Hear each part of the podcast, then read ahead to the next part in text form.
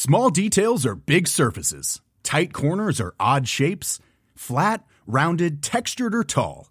Whatever your next project, there's a spray paint pattern that's just right. Because Rust new Custom Spray 5 in 1 gives you control with five different spray patterns. So you can tackle nooks, crannies, edges, and curves without worrying about drips, runs, uneven coverage, or anything else. Custom Spray 5 in 1. Only from Rust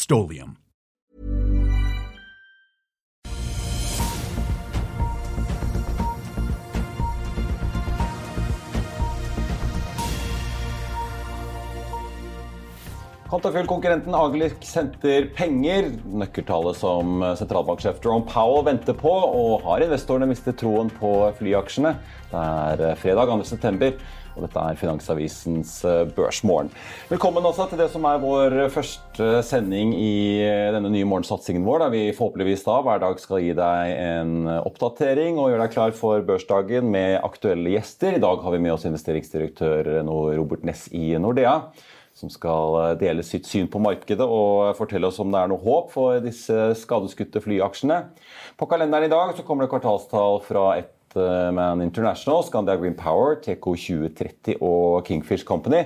Merk også at Kingfish Company også kommer da med en eh, litt utvidet oppdatering til investorene og markedet. På makrofronten så kommer det ledighetstall for august måned fra Nav. og Vi får også tall for den tyske handelsbalansen, produsentprisindeksen i eurosonen, og ikke minst da de amerikanske jobbtallene for august måned, som kommer klokken 14.30, og som den amerikanske sentralbanken og en rekke andre vil vente i spenning på.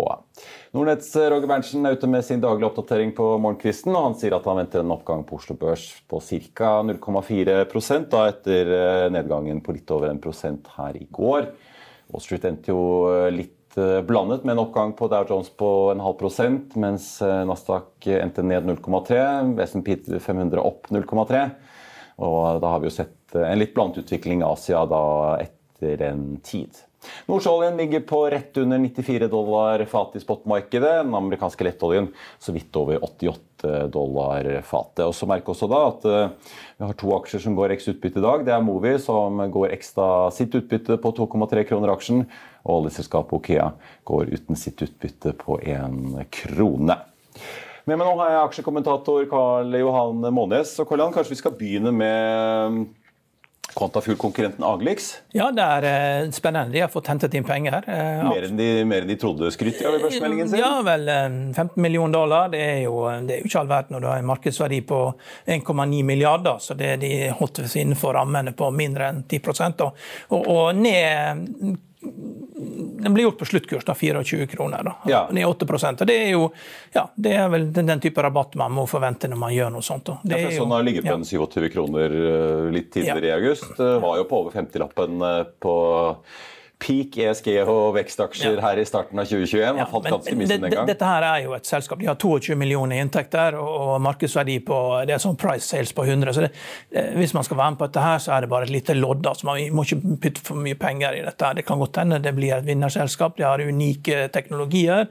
Men uh, det er ofte markedslederne som, som ender opp med å dominere. sånn sett her, og De skal jo bygge en, gjort en avtale, en intensjonsavtale med britisk petrokjemiselskap om å eh, bygge en fabrikk fabrikk på, eh, på 100 000 eh, tonn med eh, resirkulert plast. De, de, virker å være litt mer sånn en blanding da, mellom Quantafuel og Tomra. Vet du, Tomra har jo det du kaller material recycling facilities, da, der de sorterer ut plast ifra, ifra søppel. og ja. Det er litt her det de gjør, de også, sier de, da, med å ta ut og sortere ut eh, tøffe typer med plast, og, og gjøre det om ved hjelp av egen teknologi. Så de, de virker som å være litt annerledes enn en Quantafuel. altså Litt sånn vekk på egne teknologier, spesialplast og den type ting. Og, og det er det som eh, virker å være eh, Agilyx. Men eh, dette her er et utviklingsselskap. Ja, for jeg ser jo ja, ja. Aksjen responderer opp med 0,8% til 24, ja, opp 20 øre da, til 24,20. De har også et prosjekt i, i, USA, men begge disse to, altså dette prosjektet i USA forventer de byggestart uh, om en 12 måneders tid. Dette europeiske anlegg om 18 måneder, så det er jo et selskap som vi jo har sett en del andre hvor ting ligger litt frem i tid. Ja, og vi, ja. vi har jo beskrevet i dagens kommentar at plast er en av de fire komponentene vi virkelig trenger her i verden. Eh, Varslas Mills bok, eh, really, 'How the World Really Works'. Og, og, det å få på plass teknologier der eh, du kan resirkulere plast, er viktig. Men det er klart, her er det, er winner takes it all. altså Den som kommer opp med beste musefella her, den vil ta hele dette markedet. her, og eh, Det kan hende det blir agelyks, så da er det verdt å ta et lite lodd. Men man skal ikke kjøpe, bruke for mye penger på lottoaksjer. Har ikke sette hele livsformuen i én aksje av gangen på nei, dette her. Du, eh, la oss snakke litt om eh, en annen eh, for så vidt aksje som satser på noe fremtidig, Ocean Geoloop. Ja. BVLPG-sjefen Anders Onarheim sitter jo i styret. Dette er jo ideen til Hans Gude Gudesen, gamle Opticom-gründeren. Eh, hvor de da har denne CO2-fangstsystemet sitt som de har solgt inn til Norske Skog. Og, ja, og har de kommet med en liten oppdatering på hvordan det ja, går der oppe i Trøndelag? Norske Skog sier de tar over nå eh, og skal optimalisere systemet og sjekke det ut. Og Norske Skog har jo en stor fabrikk oppe i Skogn. Avispapir, produserer avispapir. Det er jo innerst i løken i Norske Skog 500 000 tonn avispapir og 350 ansatte. Det har du hatt stabilt nå i ti år. Så det er eh, Ja. Men igjen, da. Markedsverdi på 1,8 milliarder og knapt nok inntekter. Igjen, dette her er veldig lotteriprega. Så eh, det kan godt hende dette her er framtida, men man må være veldig forsiktig med den type aksjer nå når vi går inn i en nedgangskonjunktur med økte renter. Så det, eh, man må være forsiktig. Ja. Veldig forsiktig. Jeg ser aksjen uh, ganske stabilt foreløpig, og så vidt opp uh, 0,04% til 33,70. Ja. Så ikke det store utslagene der. Hovedveksten for så vidt starter opp en ja, ned 0,101 så vidt. Ganske flat start på eh, børsen altså fra start. Store vinneren foreløpig, i hvert fall. Prime opp 9,4% Da skal vi eh, straks ta inn eh, dagens gjest rett etter dette.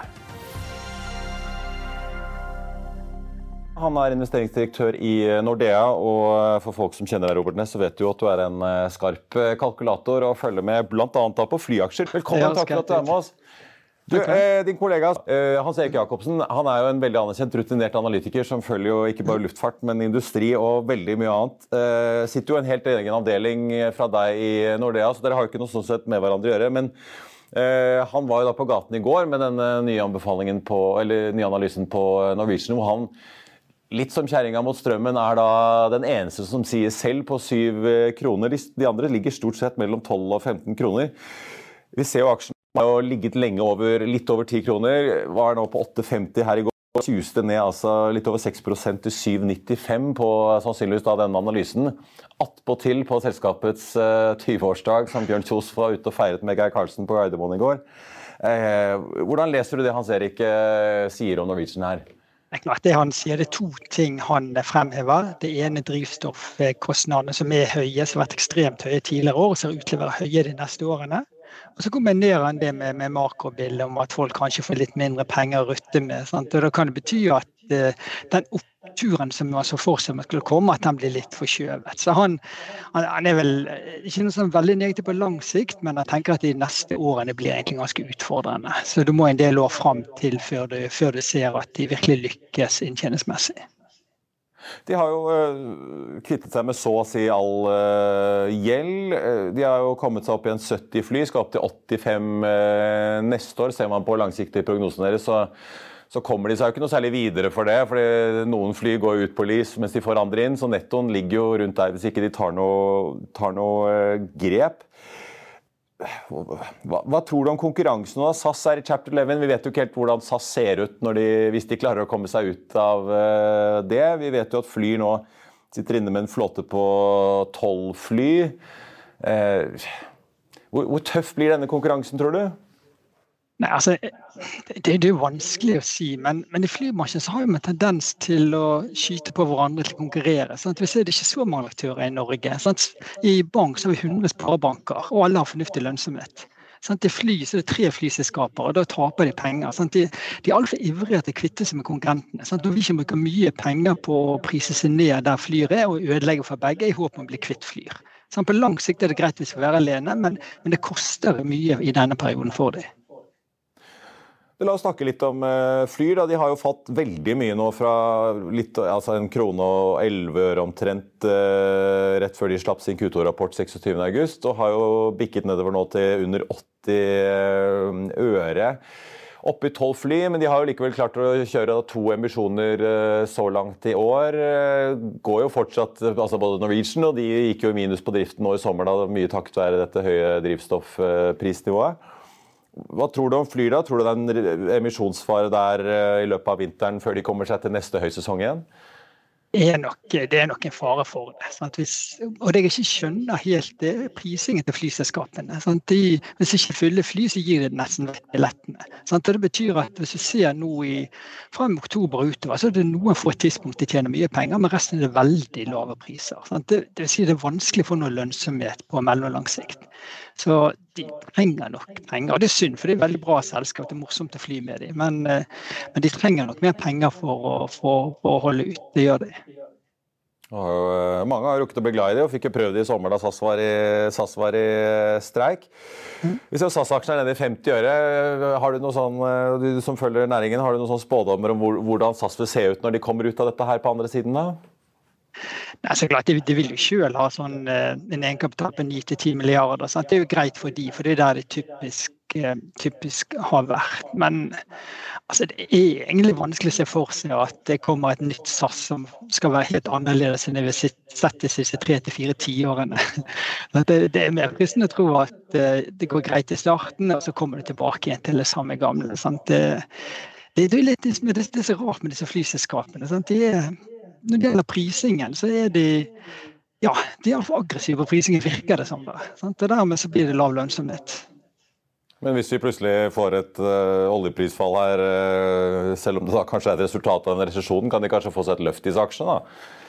Det er klart, det, det, kan gi at hvis vi får oljeprisfall og så ser vi at folk har penger å bruke til å reise på, så, så vil jo det, det vil være på kort sikt. Så det kan jo småting gjøre at uh, kursene løfter seg.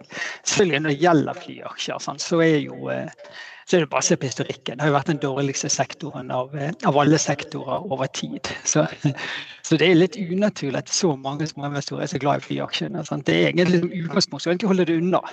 Så i noen få tilfeller kan du kanskje gå inn. Driver du med noe bunnfiske i flysektoren om dagen, eller skyr du den som pesten? Ja, for mine folk holder men det var jo innom Flyr og Norwegian. Norwegian var bare kort tid innom, så det var hyggelig. Flyr, så, så gikk det egentlig ikke så bra med investeringen vi hadde der. Sant? Det var litt optimistisk etter covid. Jeg trodde at da skulle det i hvert fall ha en periode hvor man tjente penger. Sant? Men så ble jo covid varende litt mer lenger, og da ja, lønnsomheten ble ikke som man hadde håpet. Eh, til slutt, eh, Robert, så må vi snakke litt om markedet bredere her nå. Vi har hatt eh, ganske mange røde dager på børsene nå, egentlig helt siden Jerome Powell var oppe i Jackson Hall. Kan du si litt om hvordan du egentlig leste den reaksjonen som kom ut av Jackson Hall, ikke minst hva du har av forventninger til tallene vi får i ettermiddag, og hva de kan eventuelt gjøre med markedet? Nei, så jeg synes det er nok som egentlig to helt forskjellige verdener. Det ene verden når du ser på makrotallet, som tyder på at vi er ikke bare på vei mot en nedgang, vi er egentlig allerede kommet til nedgang. Sånn, da, ser ting egentlig ganske, ganske ille ut. Sånn, rentene er opp, overkostnader er opp. Så, så, det skal gå kraftig ned. Men så er det en helt annen verden, og det er selskapene. Altså, De tjener mer penger enn noensinne. Sånn Tredje kvartal ser ut til å bli nytt rekordkvartal. Så, så liksom henger ikke, det henger ikke sammen. Så en av de to tingene er feil. Sant? Enten så tar makroøkonomien litt feil ved at folk egentlig har mer penger enn det virker som. Eller så er det bare det at det tar, eh, tar, litt mer tid før det slår ut for selskapene. Men det er mange indikatorer som er vanskelig. Sant? Ta f.eks. bilsalget i Norge som kom i går, som var kraftig ned. Så, men det skyldes jo ikke etterspørsel, det skyldes jo akkurat for tiden at det er en enorm etterspørsel. Man greier ikke å levere. Så, så det er litt ja, det er litt vanskelig å lese makrotall også, egentlig. Robert Næss, tusen takk for at du var med oss på eh, premieresendingen. Takk for det. Hyggelig. Hei. Vi er eh, straks tilbake. I'll see you in court. Vi sier det ofte litt på spøk, men for deg som driver business, er det aldri moro å innse at du ikke har laget en 100% gyldig kontrakt. Du bør ikke risikere hele firmaet ditt fordi du synes dette med kontrakter er litt stress. En avtale er ikke en avtale. Du kan miste kunder, miste venner, ja, til og med miste inntekter om du ikke lager en skikkelig kontrakt, på alt mulig, egentlig. Men vi vet det er et styr, kopimaskiner, tregprinter og haugevis av papir. Dessuten stoler vi jo på folk her i landet. Det er ofte litt kleint å skulle be om en signatur for alt mulig, ja, for mye av styret handler også om jakten på underskriften. Det finnes en enkel måte å løse dette på, Dukkobit. En trygg, effektiv og get this, gratis måte å sikre seg en god natts søvn pluss en juridisk bindende avtale. Dukkobit-appen har de strengeste sikkerhetskrav i bunn, samt en EU-godkjent og sertifisert teknologi. Framover vil det bli behagelig å spørre du, skal vi skrive under på det, eller? Kom i gang på dukkobit.no.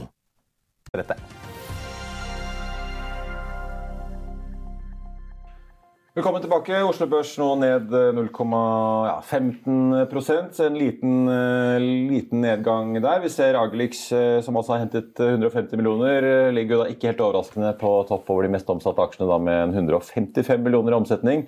Den aksjen er opp nå 2,1% og har bikket seg opp da 50 øre etter emisjonen da på 24 blank. Ellers så ser vi at Eh, Equinor ligger på listen over ikke, altså ikke helt overraskende på listen over de mest omsatte, ned 0,6 Bidro da til å dempe stemningen på børsen litt på hovedindeksen. Norsk Hydro er ned 1,6 også.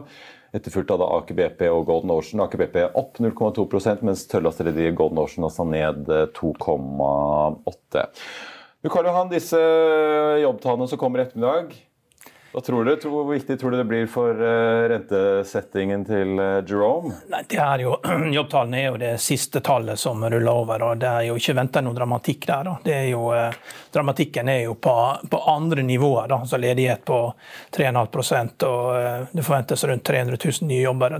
Dramatikken ligger jo i at du i andre kvartal i år kommer, har et veldig skarpt fall da, i stimulanse fra, fra, som var, fra andre kvartal år før. Og det ser man jo da på, på business sector productivity, da, når du har unit labor cost opp med 10,2 Eh, lønn opp med 5,7% og produktiviteten ned 4,1 Dette er tall man ikke har sett siden man begynte å måle statistikken. Så vi er i et... Altså, det er jo verre enn inflasjonstallene. De har jo begynt å bikke under 9 i USA. Ja, det er, det er, eh, veldig spesielt. Det er veldig spesielle tider. og eh, det, Nå får virkelig de som driver og studerer økonomi, testa liksom, teoriene sine da, på hvordan ting fungerer under stress. Og det er jo det er jo mye penger da, ute blant folk som gjør at ting tar tid. Men det, renten vil jo bite til slutt. Og eh, man må være klar over at vi er i en annen økonomi. Sentralbanken eh, er ikke der og støtter opp under eh, økonomien som de har gjort før. Nå, nå strammer de inn, og de har vært veldig klare med det.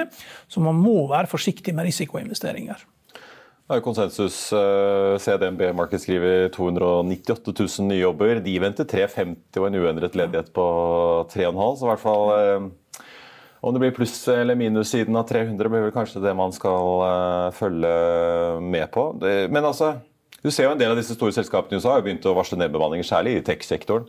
Er det dette de egentlig har sett eh, komme som et dundrende godstog? da, Disse økende, altså fallende produktivitet og kanskje aller mest da økende kostnader for arbeidskraften? Ja, så er jo det det er jo eh, supply, supply chain-problemer. Problemer i varekjeden. og det er klart Ytterligere nedstengninger i Kina. I industriprovinser som Sichuan med Chengdu med 21 millioner innbyggere viderefører jo dette. her. Og så, så er jo det en sånn liten handelskrig på gang, da, der USA prøver å stenge Kina ute fra de eh, mest avanserte halvlederne. halvlederne. Og årsaken til at de klarer det, er jo at det er jo amerikanske selskap som eh, lager både softwaren og maskinene som lager de mest avanserte chipene. Så der, Det gjør jo at USA har kontroll på dette markedet, selv om de ikke har egne fabrikker. Mm. Og, og løsninga det USA prøver å få til, er jo at Kina skal fortsette å produsere halvledere, bare ikke de mest avanserte. Da, at de vil de beholde da, for eget uh, militærforbruk. Eh, som, og det, Der er jo Taiwan Semiconductor som markedsledende. Kina sier jo sjøl de har like gode chips nå, men det er ingen som helt tror på det. da. Så det er en, det er en eh, sånn liten handelskrig som pågår, men det er bedre at det er handelskrig enn at det blir full krig. Ja, ja det får vi virkelig satse ja. på. Takk skal du ha, Karl-Jan. Jeg tenkte bare å ta med på slutten at uh, Green Minerals har også gjort en liten emisjon, riktignok bare på 1,15 millioner kroner til uh, eh, 10 kroner aksjen, men det har jo sendt dem da godt opp på listen over de mest omsatte nå på starten av dagen eh, på en god tredjeplass. Den aksjen er ned 7,1 Så får vi ta med. Norwegian eh, får seg endelig litt, litt drahjelp etter gårsdagens kraftige fall, opp 1,6% til eh, så vidt over 80 kroner aksjen. Hovedindeksen har svingt litt og så vidt i grønt igjen, 1235 poeng, med en oljepris da på 94,20. Og Det var det vi hadde for deg i denne første sendingen av Finansavisens eh, Børsmorgen. Vi er tilbake her klokken 13.30 med Økonominyhetene, der det blir mer fra oljemessen ONS bl.a. I mellomtiden så får du som alltid siste nytt på fa.no. Og så ønsker vi dere alle sammen en riktig god helg når den tid kommer. Takk for nå.